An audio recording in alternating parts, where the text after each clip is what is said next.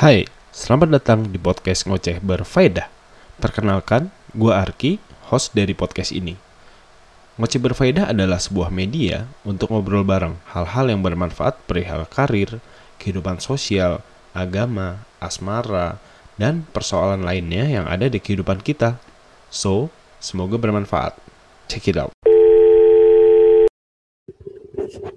Halo, Assalamualaikum.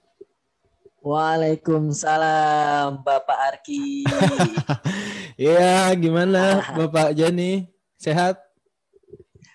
Alhamdulillah sehat. Lu gimana Oke. Bang? Alhamdulillah sehat. Oke, jadi teman-teman eh, ini mungkin sedikit perkenalan ya. Jadi Jani ini ya bisa dibilang teman waktu kuliah, teman kadang-kadang nongkrong bareng juga waktu kuliah. Kita juga sempat ya liko bareng ya. Iya. ya. Oke, tap- tapi memang Ah, walaupun beda angkatan tapi eh, untuk ngobrol ya dulu sih eh, lumayan lah lumayan sering ngobrol oke monggo jadi mungkin bisa kenalan dulu em, ini nama pendengar lo apa nih Bang? Apa gue manggilnya apa? Teman-teman aja kali ya. Iya teman-teman aja atau sobat ngoceh Oke oke oke. Nah buat sobat ngoceh yang lagi ngedengerin podcast ini, gue pengen kenalin diri gue dulu nih. Nah, Oke. sebelumnya nama gue Rahmat Azani dan Mhm. gue aslinya dari Medan. Cuman Mhm. selama kuliah kebetulan ada rezeki dikit lah untuk kuliah di Malang dan sekarang alhamdulillah kerja di Jakarta. Ya Ah. kalau umur gue sekitar 24 lah. Ya Oh. anak-anak SMA masih masih dapat lah. masih masuk lah masih masuk ya Ma- masih masuk lah, masih masuk lah. tapi ini ya syarat dan ketentuan berlaku lah ya Ah, iya iya, yang Ah. penting lo cewek kalau Oh, oke. kalian sih gua. tapi mungkin kalau yang setengah masih bisa masuk nggak nih Eh, kayaknya gua mending swipe right ke yang lain. Kalau dia swipe left aja tuh. gitu. ah oke Sebenarnya nggak oke. masuk juga sih, agak susah. agak susah ya Agak Oke. susah. Jan, kan lu dari Ah. Medan nih ya. Maksudnya tadi lu bilang lu dari Medan, terus kuliah di Malang. Mm-mm. Eh, Yang pertama mungkin yang mau gue tanyain, apa sih mungkin alasan lu untuk merantau gitu ya? Merantau dari Medan, Sumatera, habis itu ke Pulau Jawa. Atau mungkin sebelumnya lu eh, mungkin pernah sekolah di sana, tapi mungkin ada gak cocok, akhirnya sekolah di Malang. Monggo. Awalnya tuh gua SMA emang udah kepikiran untuk Hmm. kayak ah gue pengen kuliah ah di luar Medan dan Hmm. satu-satunya tempat yang gua pikirin itu di Malang. Ah, oke. Dan oke, tri- oke. Heeh. dan trigger gue untuk kuliah di Malang itu sebenarnya waktu SMA karena gue sempet nonton film yang judulnya 5 cm. Mungkin lu pernah dengar atau pernah nonton lah. Ah, ah, gitu. ah, pernah, pernah, pernah, pernah. Nah itu gue kepikiran untuk kuliah di Malang gara-gara itu. Karena gue mikirnya anjir di Malang nih seru banget nih. Bukan di ibu kota provinsi. Iya. Dan pasti kayak culture-nya beda lah sama Medan. Dan, dan Ah, lo bisa kuliah dengan dengan apa ya lingkungan yang tenang lah karena bukan ibu kota Ah, pro- provinsi gitu. betul, betul. Cuman, cuman 2014, gue kan angkatan 2014 nih. Ah, ah. 2014 gue lulusnya malah di USU di Medan. Oh, tapi lu juga daftar Brawijaya apa enggak?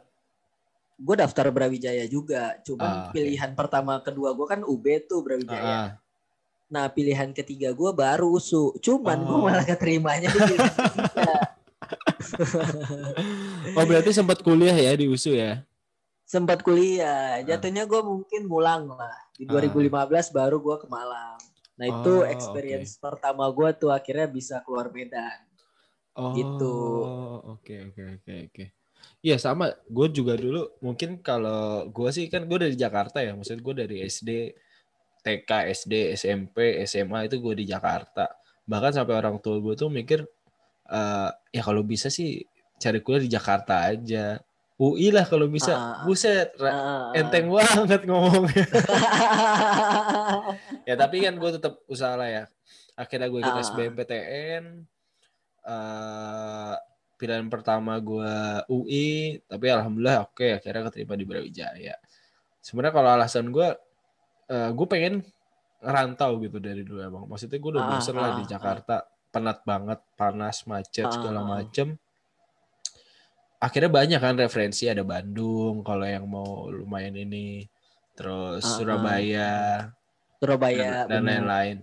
Cuman akhirnya gue Ah, ah. mikir kalau gue kuliah di Bandung, eh sama aja dekat-dekat juga. Maksud gue tuh kalau lu mau ngerantau, oke lah sekalian aja yang jauh, tapi mungkin jangan jauh-jauh banget gitu loh.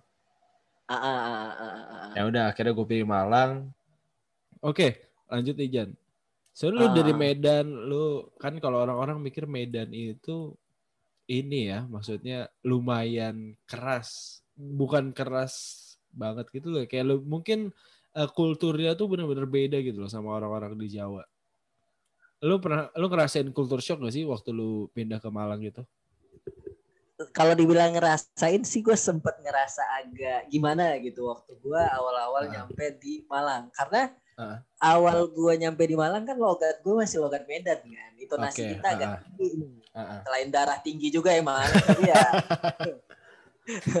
tapi ya intonasi kita agak tinggi nah gue nyampe Malang gue pernah ketemu satu kejadian yang bikin gue kayak ngerasa Ya. agak shock lah sama orang-orang di Pulau Jawa karena Ah. ternyata mereka sehalus itu bang untuk Oh. Oke. untuk berkomunikasi kan sementara gue yang barbar banget kata-kata yang menurut gue di Medan itu biasa kita ucapkan dan itu kayak ya udahlah orang nggak bakal sakit hati nih sama kata-kata yang gue keluarin Iya. eh iya. di, di di Malang malah orang sakit hati dan merasa kayak apaan sih lo gitu Salah satunya apa tuh? Maksudnya kalau gue boleh tahu.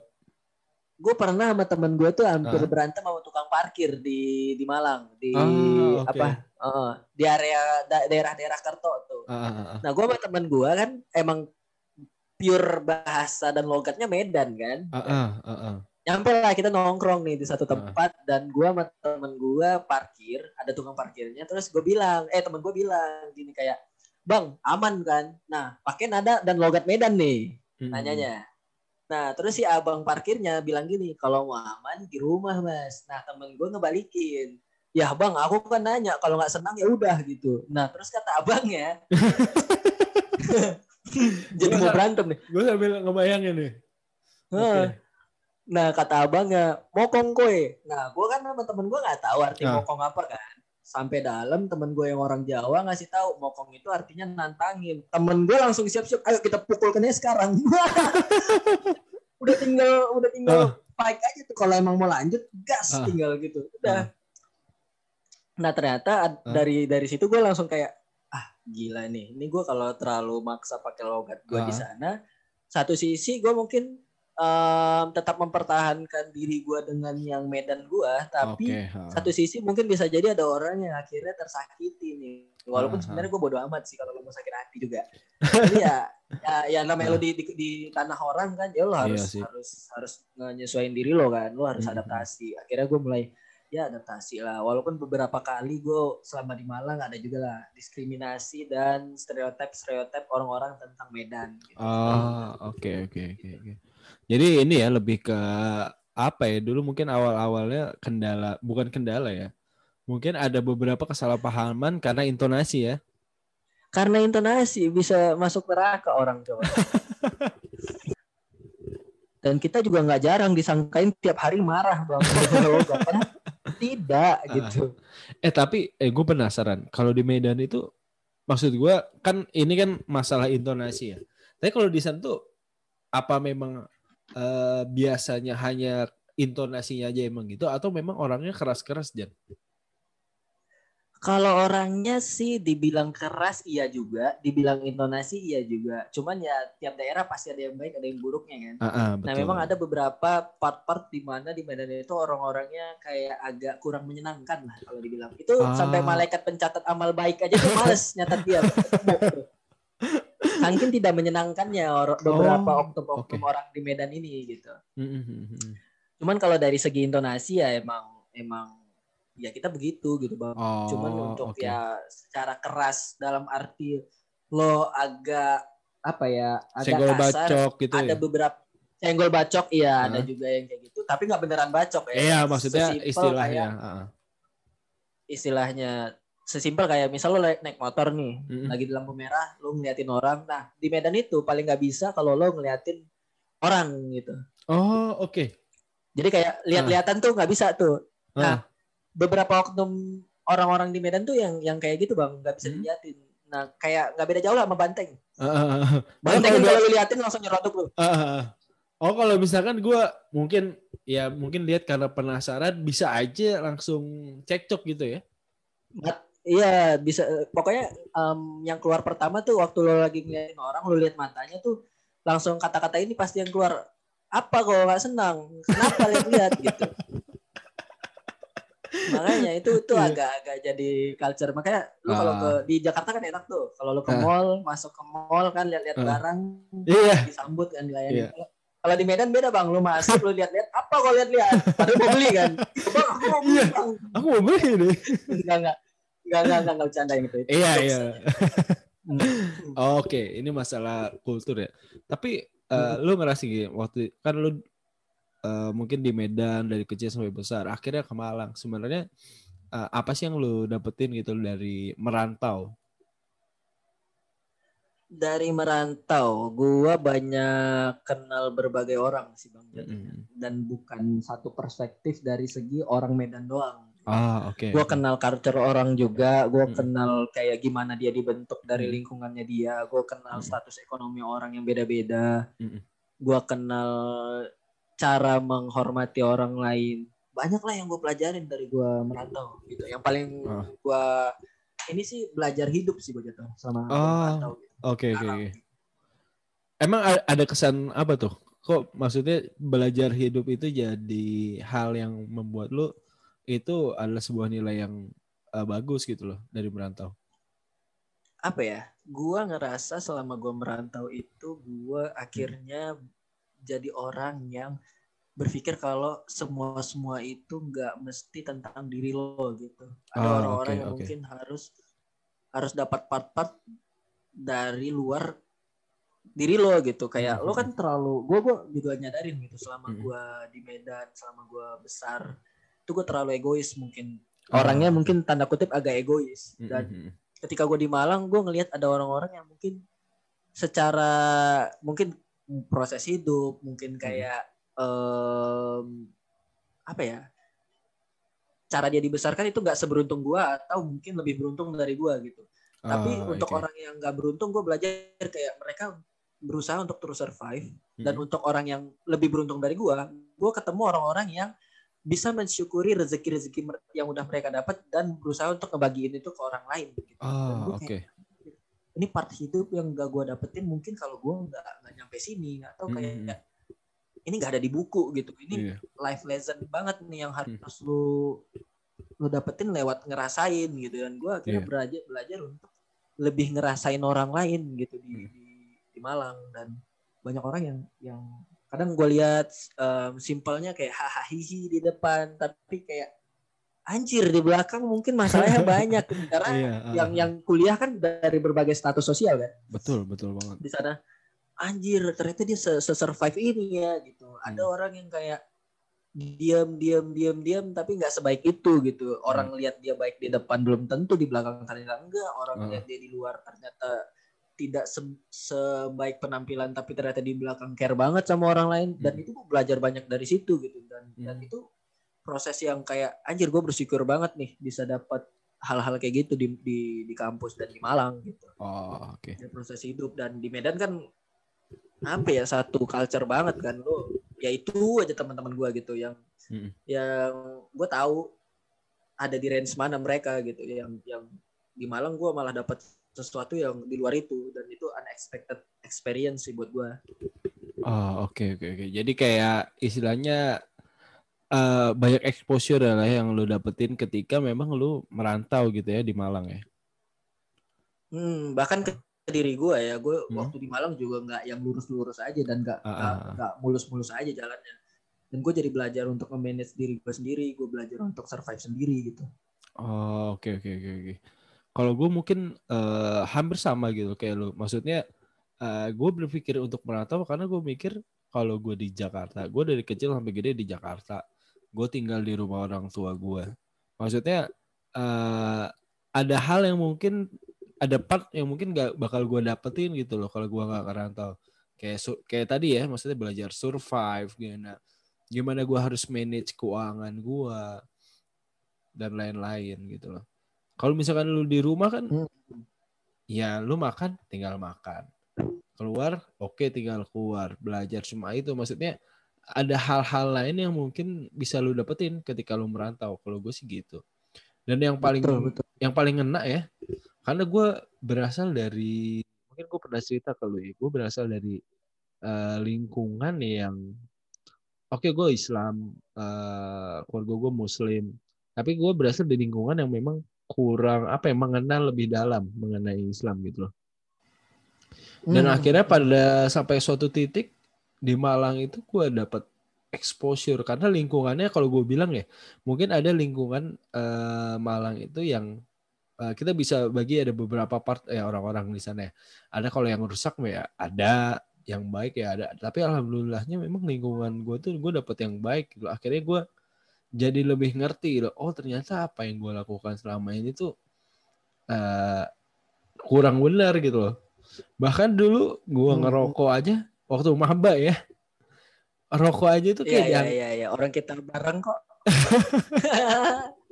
Iya iya iya. Lu ngerasa terus. gak sih eh, ngerokok itu kayak di kampus ya, gue gak tahu kalau di luar. Maksudnya kayak dianggap hal yang agak tabu gak sih kayak orang-orang. Eh lu ngerokok? Kayak gitu gak sih?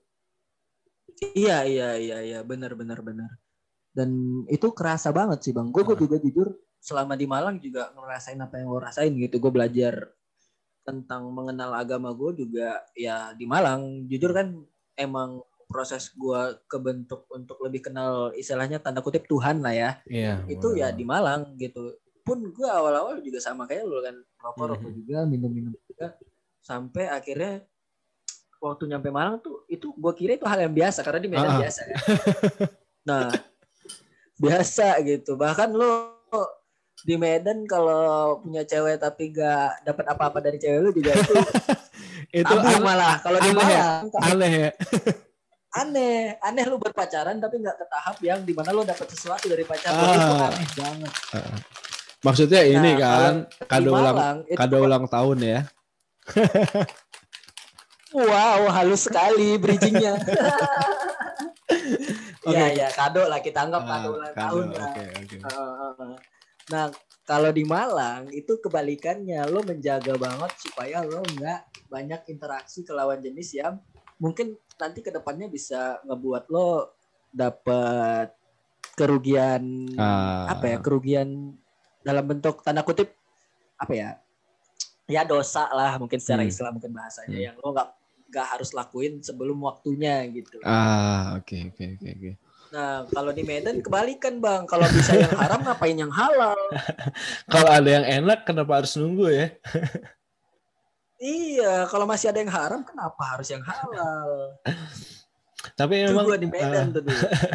tapi emang ya maksud gue eh, kalau ngomongin Malang eh, tempat pembelajarannya maksudnya apa ya gue gue gue sampai dulu tuh berpikir gue udah nyaman banget ya loh sama- Malang gitu. Maksudnya gue sampai berencana ya kalau bisa gue hari tua di Malang lah. Maksudnya setelah pensiun ya gue bangun rumah di sana eh, tinggal menikmati Ah. aja apa yang ada. Karena emang enaknya tuh apa ya deket gitu loh ke mana-mana. Ke pasar deket. Pasar besar. Terus lu mau refreshing penat lu tinggal ke Batu Bromo dekat maksud gue beda kalau misalnya di Jakarta ya. Kayak misalkan nih lu kan sekarang lagi di Hmm. Jakarta nih ya lu pusing Iya iya iya. penat ih gila puncak jauh macet lagi Betul. Betul, betul, betul banget. oke Asli, tapi Ah. oh, gimana gimana gimana? Enggak lanjut aja lanjut Enggak, enggak, tapi di Malang itu emang Ah. benar-benar lo mau nyari apa-apa gampang dan mudah Iya. gitu dan dan itu tempat yang istilahnya mata lo bisa seger banget karena karena alam, karena lingkungan. Kalau di Ah. Jakarta kan mata lo seger banget ya karena hot Hmm. beda, beda sekali gitu kan. Jadi kayak gue Yang- yang- ngerasa kayak wow, yang bikin seger- sungguh yang bikin seger beda ya ada makanya gue seneng banget tuh kalau ada teman gue ngajak ke PIM ngajak ke Okas ngajak ke PI itu gue ke Blok M itu gue kayak wow mata gue refresh nih hari ini gitu Oke, kan sekarang lu lagi di Jakarta nih Jan ya. Udah berapa lama Jan? gue gue udah setahun tiga bulan lah Jakarta Ah, setahun tiga dari bulan. November 2019 dua tahun lah berarti dua tahun dua tahun kalau hitungan tahun tapi kalau hitungan bulan gue ya sekitar 13 bulan ke atas lah 15 lah 15 Oh, Oke. Berarti sekarang kerja full atau bisnis? Gue lagi kerja doang sih sekarang sama bikin-bikin podcast juga. Oh, oke. Nih kerja nih. Kan lu sekarang udah kerja, Hmm. lu udah selesai lah eh, kita masa kuliah. Nah sebenarnya akhirnya lu merantau lagi kan nih ke Jakarta. Lu bisa gak sih? Maksudnya iya iya pembelajaran apa sih yang lu dapetin ketika lu merantau lagi? Akhirnya kan lu sebenarnya rumah lu di Medan kan? gue belajar dan tahu akhirnya kalau ada hal yang nggak bisa dibeli pakai duit itu sih yang gue belajar selama gue di Jakarta ada hal yang bener-bener gue nggak bisa beli pakai duit Apa tuh? Porsche. sebanyak apa pun duit gue gue mikir kayak wah itu itu emang gak kebeli gue sih kayaknya Oke. tapi umur dua delapan sih kebeli kayaknya Kebeli- Oh, kebeli umur amin, 28. amin, amin, amin. Amin, amin. Gue ngerasa ini nih sih bang, Hmm. karena mindset main, mindset gue dulu kemarin sempat mikir gini, tamat kuliah, oke gue coba cari duit, gimana Hmm. Iya. caranya gue punya sesuatu, gue punya punya hal yang bisa ngebuat kaki gue kokoh untuk berdiri. Salah satunya ya dengan punya duit. Mm-mm. Setelah gue punya duit, gue kira hal itu bakal nyenengin diri gue, ternyata gue belajar kalau duit itu enggak jadi patokan utama lo bisa seneng. Ah, oke, oke, oke. Contohnya Karena gimana tuh? Maksudnya mungkin based on experience lu ya. Eh, Hmm, karena apa sih akhirnya lu bisa bilang eh, padahal banyak orang kan pengen tuh ya udah ke Jakarta nyari duit sebanyak-banyaknya biar dia senang, biar dia happy. Tapi kenapa nih lu Karena- mengeluarkan statement ini nih? Karena apa ya? Menurut gue duit itu memang hal penting yang harus lo cari. Karena lo Oke. harus menyambung hidup lo dengan duit. Heeh. Em, akan sangat bodoh ketika lo eh, beranggapan kalau kebahagiaan nggak bisa dibeli pakai duit. Enggak, ada ada ada emang bagian di mana duit itu akan membawa kebahagiaan. Ada. Gue Ah, percaya ah, betul. Ah, ah. Tapi ada ada satu bagian di mana ketika gua ngerasain di Jakarta dan ngerantau itu kan lo sendiri ya. Mm-mm, betul. Lo sendiri, oke lo punya teman, tapi emang ada part di mana gue pernah bang lagi jalan, lagi Mhm. jalan nih di Jakarta, gue ngeliat nyokap, bokap sama anaknya lagi jalan, Mm-mm. makan bareng. Gue kebetulan lagi ikut temen gue lagi makan bareng. Iya, betul. Ah. mereka mereka makan bareng. gue lagi ikut di situ nggak nggak emang sengaja. Ya gue sebenarnya pengen ketemu anaknya, tapi emang lagi bareng sama nyokap bokapnya. Ah. Nah akhirnya gue nimbrung tuh di situ dan Hmm. gue ngerasa kayak anjir seberapapun duit gue di Jakarta, Mm-mm. gue nggak bisa ngedapetin ini gitu. Mm-mm. Momen gue bisa deket sama orang tua gue, momen gue dapat ngelihat orang tua gue lah gitu tiap hari Hmm. itu gue nggak bisa Ah. dapetin. Oke. pun gue gue gue jujur pernah yang waktu abis temen gue cabut tuh Hmm. pulang kan agak pisah pisah jalan tuh Iya. gue masih di pim kan gue kayak anjir gue nangis bangsat dalam Hmm. hati gue karena se, se, Ah. se- apa ya gue serindu itu gitu sama keluarga gue gue apa ya kata orang kan laki-laki itu emang pada akhirnya emang harus berdiri sendiri di kakinya gitu kan ah, ah, betul. mungkin untuk part finansial iya tapi untuk part kasih sayang kita sama kayak perempuan gitu butuh disayang itu nggak bisa gue beli mau gue punya pacar kayak mau apa kayak kasih sayang orang tua tuh nggak bisa gitu Hmm. dekat-dekatan sama oke. orang tua tuh nggak bisa karena gue nggak nggak tahu umur mereka sampai kapan Iya. gue nggak tahu duit gue sebanyak apa tapi kalau udah banyak pun gue nggak bisa ketemu mereka lagi dan nggak bisa ngeliat mereka lagi. Wah anjing sih dalam hati gue itu dalam hati. Gokil sih. Iya. ya udah akhirnya gue ngerasa ah, anjir gue kalau ada momen balik ke Medan gue balik balik dah gitu. Akhirnya gue balik ke Medan dan bener ternyata gue ketemu orang-orang yang yang apa ya di Medan juga teman-teman lama gue gitu yang Mm-mm. udah lama banget temenan dari SMP gue nggak ngedapetin nih momen kayak gini gitu sebanyak apa pun duit gue di sini juga kayaknya nggak bakal bisa gue dapetin gitu Iya. ada part-part yang yang gue nggak bisa dapetin kalau kalau gue ngerantau gitu tapi ya tetap ini kan proses hidup lo harus ngejalanin Iya sih. gitu. Iya sih. Apa pun Kadang gue juga dulu gue setelah lulus itu gue berpikiran gini Jan. Eh, Hmm. Karena mungkin banyak exposure ke dalam diri gue ya. Terkadang gue Hmm. mikir ah gila gue pengen banget ya jadi ya karena gue berasal dari keluarga yang kalau bisa dibilang kalau dibilang kaya juga enggak, dibilang kekurangan ya juga enggak gitu loh. Tapi gue eh, Ah. mungkin banyak bertemu dengan orang-orang yang eh, memiliki kelebihan rezeki gitu loh. Akhirnya kan mungkin kalau Ah. dulu kan kita ngerasa wah gila enak juga ya kayaknya eh, punya ya banyak duit segala macam. Cuman pada akhirnya gue juga sama ngerasa kayak lu. Maksudnya mungkin dengan kita memiliki kelapangan rezeki atau banyak harta itu ada part-part atau ada bagian-bagian dari kehidupan kita yang bisa terasa lebih mudah gitu ya. Tapi memang Mm, mm, mm. itu semua ya balik lagi nggak bikin bah maksudnya nggak bikin kebah nggak bikin kita bahagia secara sepenuhnya karena memang uh, itu cuma proses aja gitu loh kayak duit itu cuma kendaraan aja misalkan lu punya duit apa sih yang yang bikin lu bahagia kayak misalkan oh lu mau beli ini itu oke terus kalau udah kebeli kenapa gitu loh Mm, mm, mm. Gue gue sempat ngerasa tuh Mm.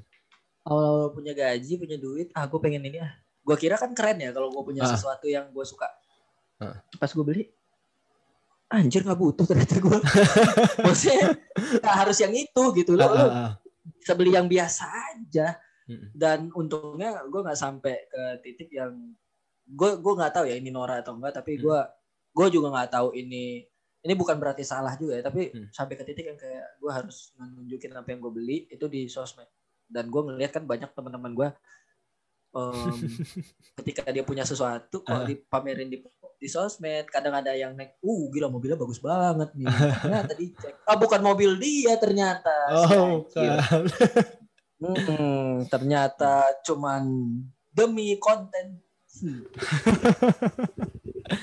ya kadang kita eh segitunya ya maksudnya eh, mungkin banyak orang-orang yang eh, ini mungkin kita pindah haluan lagi ya kayak Ah, ah, ah. banyak orang-orang eh, yang pada akhirnya mengupayakan sesuatu yang nggak dia yang mungkin nggak bisa dia miliki gitu loh demi betul, konten betul. gitu loh demi Betul. mendapatkan atensi dari orang lain ya nggak sih Betul, betul, betul.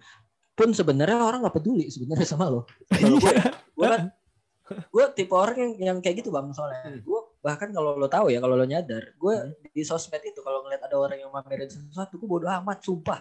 Gue gak ada kepikiran kayak mau punya itu juga. Eh, Walaupun gue punya target sendiri ya, tapi Ah. gue nggak pernah punya kepikiran kayak dia punya ah, anjir bodo amat, lu mau punya pulau juga gue bodo amat. lu mau punya kan- kambing seribu kayak bodo amat ya gue bodo amat gitu pun sampai gue sangin bodo amatnya gue di sosmed jarang kalau lu sadar gue jarang banget bang untuk nge like untuk komen ah, gue nggak pernah bang cuman kayak yang ya udah kalau ada kelihatan yang gue bener-bener suka banget baru udah gue like Ah. biar gue maksudnya biar kalau gue mau nyari video atau ini itu lagi Ah, uh, postingan gampang. itu lagi gue tinggal Ah. buka. Ya history like gue atau history save Hmm. gue gitu yang gue save gitu tapi kalau untuk kayak yang receh-receh teman-teman gue ngeposting ya nggak teman-teman gue juga Ah. sih nggak terlalu deket juga cuman temenan di IG doang Iya. yang akhirnya ya yang semua semua yang ada di IG gue kan belum tentu temen gue kan dulu ya Ah. di IG lama ya ah makanya eh, di IG lama gue kayak nggak semuanya temen gue sih sebenarnya gue juga nggak nganggap mereka anjir kayaknya bukan teman gue dah. Cuma kenal doang gitu kan. Iya sama sama sama. Eh gue liat kayak apaan dah? Nggak jelas lu ngeposting posting kayak gitu. Akhirnya karena terlalu banyak crowded banget gue hapus Ah. dan nggak sehat juga menurut gue iya sih. Sama gue juga ngelakuin hal yang sama kayak lo gue akhirnya bikin IG Hmm. baru yang memang isinya ya pure temen-temen yang bener gue kenal gitu loh yang Hmm, maksud gue kalau lu kenal gue silakan follow maksudnya silakan kita berinteraksi di sini tapi kalau lu nggak kenal gue ya ya udah nggak usah nggak masalah gitu loh Iya betul, betul, betul, betul. Bahkan kalau lu blok gua, unfollow gua juga bodo amat sih sebenarnya. Iya, maksudnya bukan itu bukan Iya. bukan maksudnya bukan nothing personal ya, maksudnya bukan bukan personal Iya, tapi iya. lebih kayak ya gue emang pengen bikin circle gue aja gitu loh. Ah, ah, ah, ah. Bener, bener, bener. Dulu dulu kan awal kita main sosmed kan mikir Ah. kayak anjir follower banyak keren nih gitu. Terus setelah gue lihat dia ngapain follower gue sampai seribu ya? Ya, ya gue nggak bilang follower gue banyak ya, tapi Ah, anjir ngapain follower gue sampai segini nggak kenal semua lagi. Gua Ah. Mau unfollow juga takut dikira, kok dia unfollow gue iya, gitu. tak- takut dikira sombong ya. Ah, takut dikira sombong. Cara paling mudah adalah selain gua ngapus IG karena Anya Ah. Geraldine ya. Hmm, tapi seksi banget tuh orang bang, sumpah. Waduh. Muncul mulu di explore. Akhirnya gua hapus aja kan. Daripada Daripada Daripada, ya kan? daripada daripada ya, mendingan hapus aja ya. nah, Anyanya kan nggak salah, yang salah kan Hmm. mata gua kan. Iya. Jadi kayak ya, gua hapus aja. Akhirnya lebih sehat menurut gua dengan Ah. jumlah follower gua yang dikit itu. Dan menurut gue ini loh, eh, salah satu hal yang paling bisa gue syukuri adalah untuk menjadi tidak terkenal gitu loh. Iya gak sih? Karena Betul, betul, betul. ah, kayak misalnya gue bikin podcast sekarang, maksud gue tujuannya ya bukan buat terkenal, tapi gue pengen, memang pengen aja nyalurin sesuatu yang memang ah, menurut gue bisa membawa dampak gitu loh. Cuman balik lagi tentang untuk menjadi tidak terkenal tuh menurut gue hal yang patut disyukuri karena ketika lu terkenal dan mungkin suatu saat lu terkenal atau dikenal banyak orang akan banyak ekspektasi-ekspektasi orang lain itu kepada diri lo gitu. Dan gue pribadi nggak bisa gue maintain ekspektasi orang lain. Betul, kemarin gue baru diteror sama salah satu orang yang gue nggak kenal anjir pakai second account sebel banget gue Heeh. Diteror gimana? Nge DM pakai second account Ah. gitu kayak so cakep lu bangsat gitu anjir so ganteng anjir gitu kan Ah. kayak terus kayak sosokan keren lu bikin podcast isinya cewek semua isinya orang-orang dari dating app semua so, so cakep lu so ganteng Coba Kan- ada, ada yang gitu? Ada bang, makanya gue bikin post kemarin kan di Ah. gue kayak gue tulis nih, Hmm. gue bikin postingan isinya muka gue, Hmm. selfie, terus Hmm. di postingan itu gue tulis gini, read me, uh, read me first gitu kan, terus gue bikin uh, watch the first slide, then if you dislike my first slide, go to next slide kan Hmm. ada ada Billie Eilish yang lagi ngacungin jari tengah Ah, tuh. ah. Nah terus yang ketiga gue buat nih kalau lo ngerasa benci sama gue, Mm-mm. nah taruh aja kebencian lo kata-kata kotor lo di komen gue gitu kan. Mm-mm. Sampai sekarang tidak ada. Saya tungguin orangnya. gak tahu gue ternyata menjadi men, gue gak bilang terkenal ya, tapi Ah. menjadi sesuatu yang disalahpahamin sama orang itu masalah sih menurut gue karena Mm-mm. lo nggak nggak bisa ngontrol itu kan. Lo nggak bisa ngontrol omongan orang lo nggak bisa ngontrol apa yang orang ketik ke lo. Tapi yang yang yang yang gue syukurin gue juga masih bisa ngontrol ini gue ya. Kalau gue dibully orang atau diapain orang gue tipe tipe tipikal yang kayak waktu dia bilang so ganteng lu so cakep lu bikin podcast begini gini gini. Gue bilang "Ya, emang gue cakep anjing. Terus dibalas apa? Nggak cuman di read dong terus pakai kata-kata kotor lah. Tit gitu kan. Gue langsung bilang lah emang muka lu kayak begitu? Gue bilang kan. Wah jangan komen pakai second account gak ada mukanya. Kalau berani pakai pakai first account lu lu komen lu atau kalau lu mau nge DM atau apa lu mau minta nomor gue gak apa-apa. Ini udah udah pakai second account ngatain gue so cakep. Lu aja jelek anjir nyumpatin muka lu. Mending gue kan anjir pakai muka sendiri Iya. Tapi iya, ya, eh, apa ya? Gue, lu ngerasa nggak sih semakin lu bertambah umur, maksud gue semakin lu eh, mungkin menjadi pribadi yang lebih dewasa ya. Maksud gue eh, yang lebih penting itu adalah bukan seberapa banyak temen lu gitu loh. Tapi seberapa betul betul seberapa lu mengenal dengan teman-teman lu gitu loh. betul betul betul betul betul Kar- karena apa ya Hah? temen lo yang yang benar-benar temen itu di umur 20-an itu Mm-mm. pasti makin dikit. Itu udah udah udah menurut gue udah kepastian ya. Iya, iya betul banget. Eh, karena pada akhirnya lo akan ketemu sama orang-orang yang emang sesuai sama jalan ninja lo lah mungkin kalau Ah. bahasa gue ya. Oke. ha. Nah, pun gue juga akhirnya menyadari untuk paham kalau semakin lo tua, lo akan semakin kehilangan. Mm-mm. Dan gue udah nganggap kayak ya udah kalau ada orang yang akhirnya dulunya teman gue dan sekarang enggak, ya udah. Ah, oke oke oke oke. Iya Jadi sih. gue keep keep Ah. my belonging belonging aja gitu yang Ah. yang udah gue punya, yang emang akhirnya mau temenan sama gue yang kenal gue yang yang emang ada di circle gue ya udah itu aja. Berarti kan kalau mereka yang akhirnya nggak dekat lagi sama gue adalah orang-orang yang mungkin emang dari awal nggak terlalu dekat, nggak nggak Iya. jar- nggak sering ngobrol, jarang ngobrol, emang dia nggak kenal gue secara personal, mungkin Hmm. nggak sekenal itu. Yang akhirnya ya udah makin lebih ikhlas sih untuk ngejalanin part di mana lo akan semakin dikit nih orang-orang yang jadi teman lo. Gue ngerasain hal ini tuh waktu eh, bener-bener awal lulus kuliah kali ya. Mungkin kan di Ah. awal-awal kuliah kan kita, wah kenal banyak orang, kenal dari fakultas lain segala macam. Tapi semakin ke sini tuh kayak waktu gue awal-awal lulus kuliah, kayaknya gue nggak perlu punya banyak temen deh. Maksud gue, gue sampai mikir gitu loh. Maksud gue, eh, oke gue kenal lo, tapi apa gitu loh? Nextnya gitu. Gitu. Hmm, hmm. kan kalau misalkan kita berhubungan dalam artian menjalin silaturahim kan uh, pasti harusnya ada hubungan timbal balik dong entah itu gua mungkin uh, ngobrol sama lo atau entah itu mungkin gua koneksi keep connect sama lo tapi kalau misalkan emang kita udah beda pikiran kita udah beda uh, pandangan masalah hidup ya ya setiap orang punya hidupnya masing-masing gua sampai mikir gitu dulu waktu lulus kuliah Betul betul betul. Itu hal yang wajar sih ketika lo mulai Hmm. tua, lo mulai kehilangan orang-orang terdekat lo. Bukan terdekat sih, lebih ke orang-orang yang nggak terlalu dekat sama lo. Karena Hmm. orang-orang terdekat menurut gua nggak akan hilang sih. iya betul betul Kecuali banget. mati ya, kecuali mati ya. Ah. Hmm. Gue pengen nanya deh ke lu nih, Jan. Di situ Eh, dari lu SMA sampai lu kuliah, lu pernah nggak sih punya bener-bener ya eh, yang literally eh, sahabat gitu loh?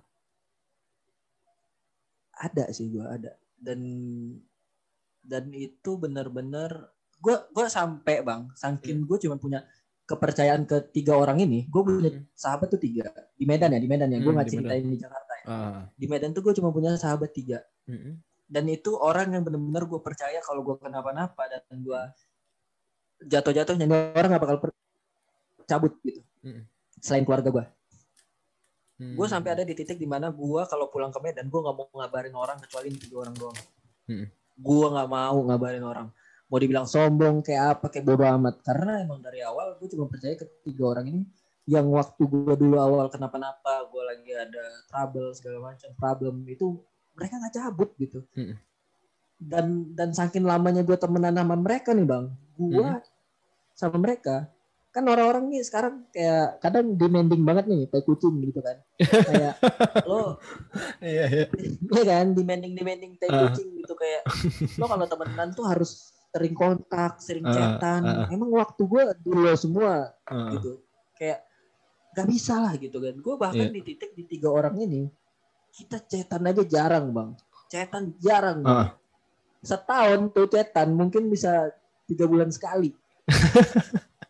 Tangkin jarang ya, Ah. tapi bang Mm-mm. gua sama teman-teman gua ada di, di titik di mana kalau gua nggak ngomong dan lagi jalan tapi kita lagi ada sesuatu yang kita anggap kayaknya seru kita lihat-lihatan itu udah connect gitu Mm-mm. bahkan gua sampai pulang ke Medan aja gua pulang ke Medan gua kabarin teman-teman gua padahal gua udah jarang kontekan sama mereka gua bilang jemput gua dong dijemput lo bayangin padahal mereka Oh. mungkin bisa aja sampai ke titik di mana anjir lu ada maunya doang di baru Iya, kontak iya. Ah.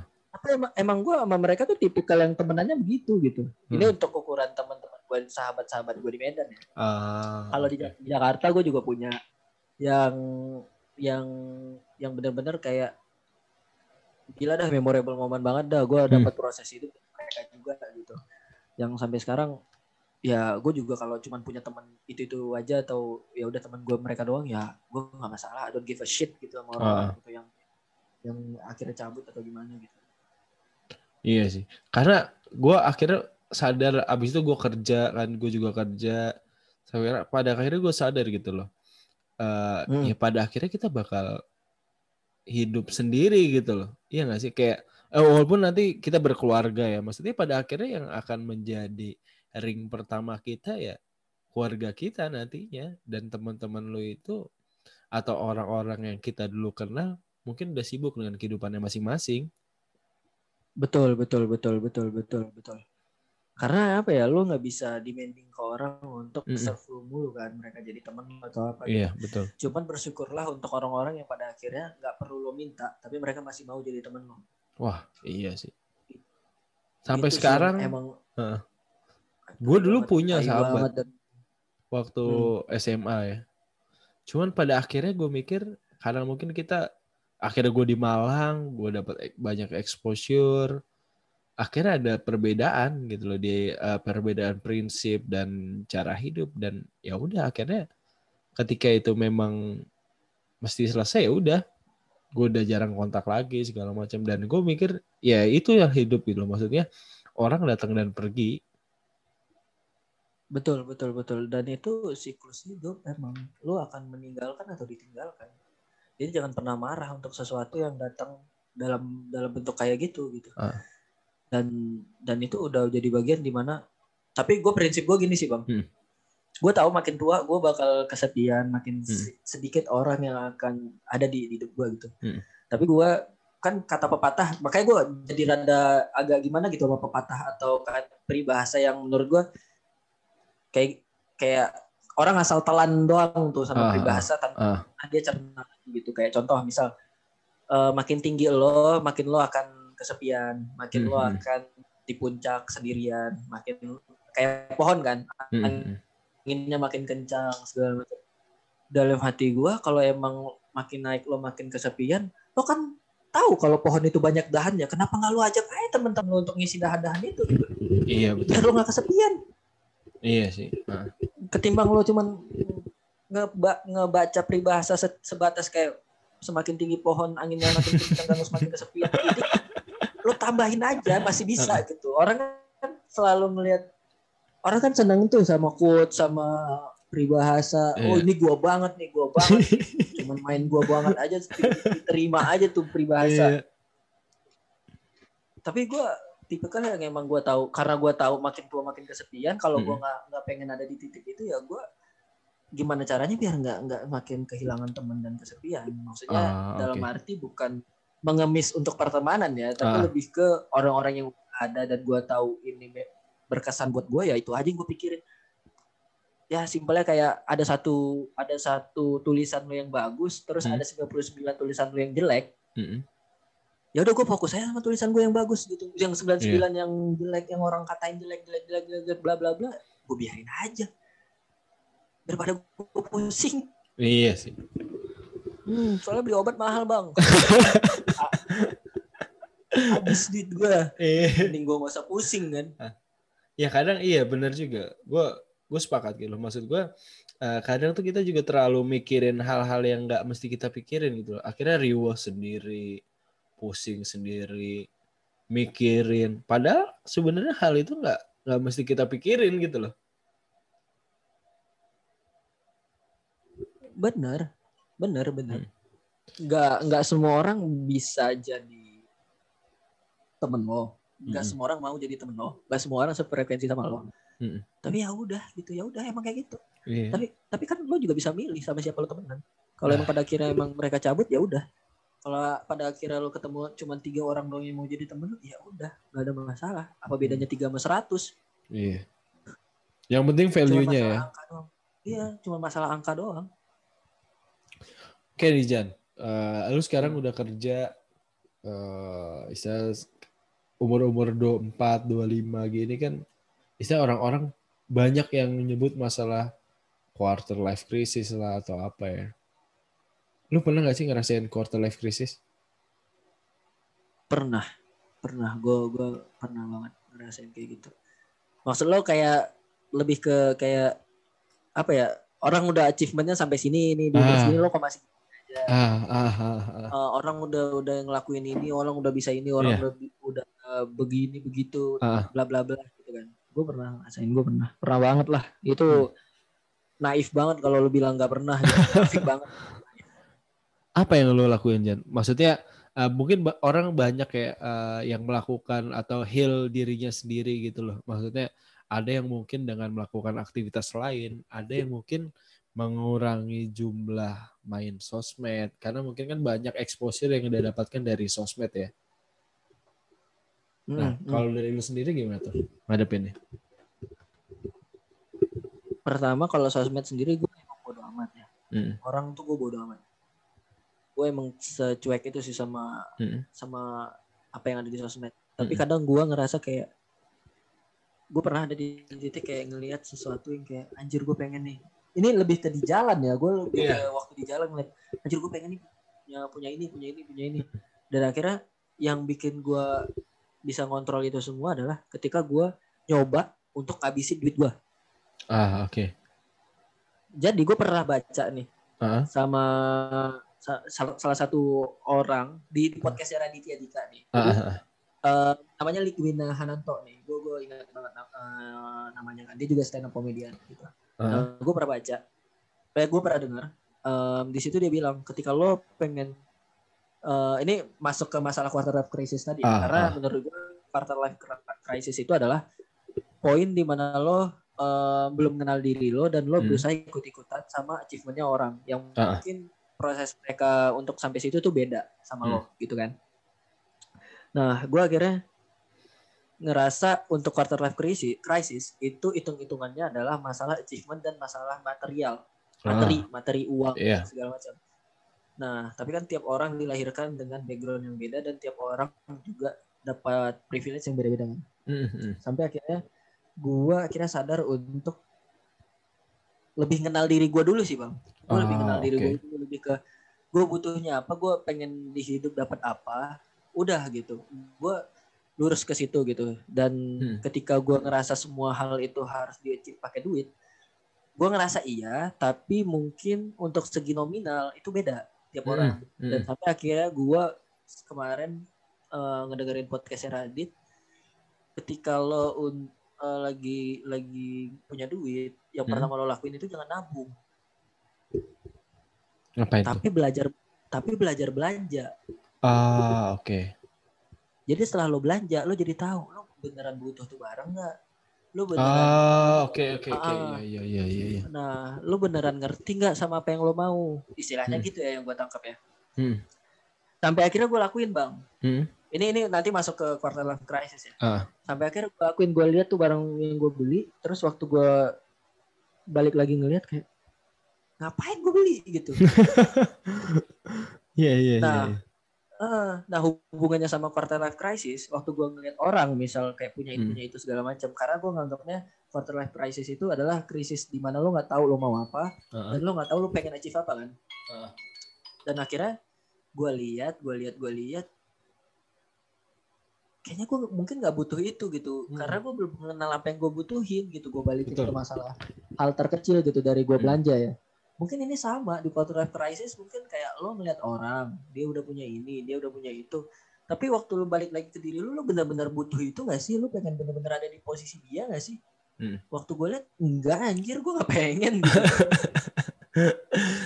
Ternyata cuma ini ya maksudnya ikut-ikutan mungkin nih. Iya gitu kayak jadi akhirnya lu insecure kayak semua proses achievement itu harus kayak model si dia ini gitu. Ah, Padahal nggak oke. juga gitu. Ah. Kayak orang semua pakai Air Jordan dan lo Hmm. anggap em, orang yang keren adalah yang pakai Air Jordan. Nah, terus yang pakai Doc Martin enggak anjir gitu. Sama Iya, iya, aja kan. Heeh. Baik lagi ke preference. Nah, masalah preference ini lo harus kenal diri lo dulu. Kalau lo belum kenal diri lo, lo akan insecure terus. Lo akan ngalamin quarter life crisis yang yang berkepanjangan menurut gue Hmm. dan setelah gue kenal diri gue gue jadi tahu kayak kayaknya gue cuma pengen achieve ini gitu pengen achieve Hmm. itu gue gue tujuan tujuan gue tuh akhirnya makin gue kenal gitu makin gue tahu Ah, gue maunya Ma- apa Makin jelas lah ya akhirnya ya. makin jelas gue cuma pengen apa ya kalau di situ ya ya ini gue nggak cerita masalah personal tentang Ah. achievement yang Ah. gue dapat untuk nyenengin orang tua ya tapi lebih ke mungkin kayak ke diri gue kepuasan diri gue gue sesimpel kayak pengen ah di umur 27 gue pengen jadi jadi jadi host gitu di di TV atau mungkin Oh, Oke. di umur 26 gue pengen sepanggung sama ada gue ngidolain satu orang namanya Rian Adri- Ardiandi gitu kan. Oh iya Rian Adriandi. Heeh. Eh, tapi sekarang jadi animator gitu kan. Mm. Gue pengen di umur 26 gue pengen satu panggung sama dia itu doang udah gitu. Cuman dua itu doang tujuan gue. Udah Oke, gitu. oke. Abis itu ya udah itu yang gue gue mau. Iya sih. Mau orang jadi CEO kayak mau orang jadi gubernur gue bodo amat gue gak mau gitu. Oke oke oke. Terakhir nih Jan. Lu udah Hmm. melewati banyak hal ya. Eh, mungkin dari lu di. Medan, terus lu di Malang, lu di Jakarta. Dan pada akhirnya kan kita semua orang kan pasti punya cita-cita ya. Iya iya iya. Sebenarnya cita-cita lu apa sih? Mungkin lu eh, apa yang pengen lu maksudnya selain tadi ya eh, ingin satu panggung sama Rian adik-adik sebenarnya goals lu atau life goals lu nih apa sih? Nih ya, ini yang gue bayangin di diri Ah. gue. Gue pengen di umur 27, gue bisa berdiri terus ditonton orang banyak. Udah itu dong. Oh, oke. Berdiri di panggung terus di- Ah. ditonton orang banyak. Terserah itu caranya gimana. Mm-mm. Pokoknya gue pengen di umur gue yang nanti, gue nggak tahu ya bakal kesa- keca- Ah. kesampaian atau enggak ya. Karena Hmm. nanti kalau ada yang dengar podcast ini dan gue akhirnya gue bilang di umur 27 gue pengen ini bla bla bla di umur 27 gue nggak jadi itu, Ah, kan pasti tiba-tiba eh, bacot. Oke oke oke. Tapi tapi ini impian dan harapan ya benar Mm-mm. impian dan harapan gue ya gue pengen di umur gue 27 mungkin ada satu momen gue bisa berdiri di depan orang banyak gitu walaupun gue tahu gue nggak suka crowded tapi Mm-mm. gue pengen ada di panggung terus dilihat orang banyak gue ngomong satu hal dua hal orang ngedengerin gue gue bisa bikin orang ketawa atau gue jadi host udah itu doang sih gue pengen itu doang Wah, oke oke oke. Berarti ses- sesimpel itu ya maksudnya itu yang memang eh, lu cita-citakan gitu ya. Iya, gue pengen itu doang udah gitu. Gue bikin bikin orang lebih mungkin sederhana gue pengen dengan gue gue ngelakuin itu gue pengen gue pengen bikin orang ketawa, gue pengen seneng gitu, Hmm, bikin orang seneng gitu. Oke oke oke oke dapat dapat dapat. Oke mungkin itu ya kita udah ngobrol banyak hari ini ya. Eh, apa nih yang bisa dipetik ya? banyak sih ya tadi mungkin dari awal dari kenapa merantau, kenapa teman-teman mungkin teman-teman di luar sana yang eh, belum pernah merantau, kalau gue saranin sih coba ngerantau lah karena eh, lu bakal dapetin banyak hal dan akhirnya kita semakin dewasa, link pertemanan kita semakin berkurang dan ya itu adalah hal yang wajar karena memang pada akhirnya ya itu bakalan terjadi gitu loh. Betul, betul lo akan kehilangan sih. Oke, thank you Jani atas waktunya. Thank you bang, thank you bang udah obrolan- obrolan. Thank you bang udah ngedengerin bacotan-bacotan gue yang sebenarnya nggak ada isinya. insya Allah ada, insya Allah ada. Semoga aja yang dengar Mm-mm, nggak benci sama gue mm-mm. karena kesotoyan gue dalam bertutur. Tapi kalau lu nggak suka juga bodo amat sih. Balik lagi ya, lu gak gitu. suka, Iya, bodo amat. bodo amat, I don't give a shit aja sih sama lu anjir. Gitu. Oh iya, dari Lu tadi kan katanya Hmm. punya podcast ya? Apa podcast lu Jan? Ah, Janji Kelingking Podcast kalau lu Oh, mau dengerin. Itu oke. itu di Spotify itu Janji Kelingking. Kalau ah. di IG itu janji kelingking podcast. Lu bisa follow, lu bisa dengerin terserah lah. Lu blog juga nggak apa-apa sih, bodo amat juga. Tapi terserah. Oke, eh, thank you Jani. Eh, semoga di lain waktu kita bisa bertemu lagi, ngobrol lagi, mungkin off off air ya, atau mungkin on air. Oke. Kalau misalnya ada hal-hal yang mau dibagikan, eh, monggo. Untuk teman-teman jangan lupa nonton juga episode yang lain. Oke, Sip, see you. sip. Thank you, see you. Assalamualaikum bang. Waalaikumsalam warahmatullahi.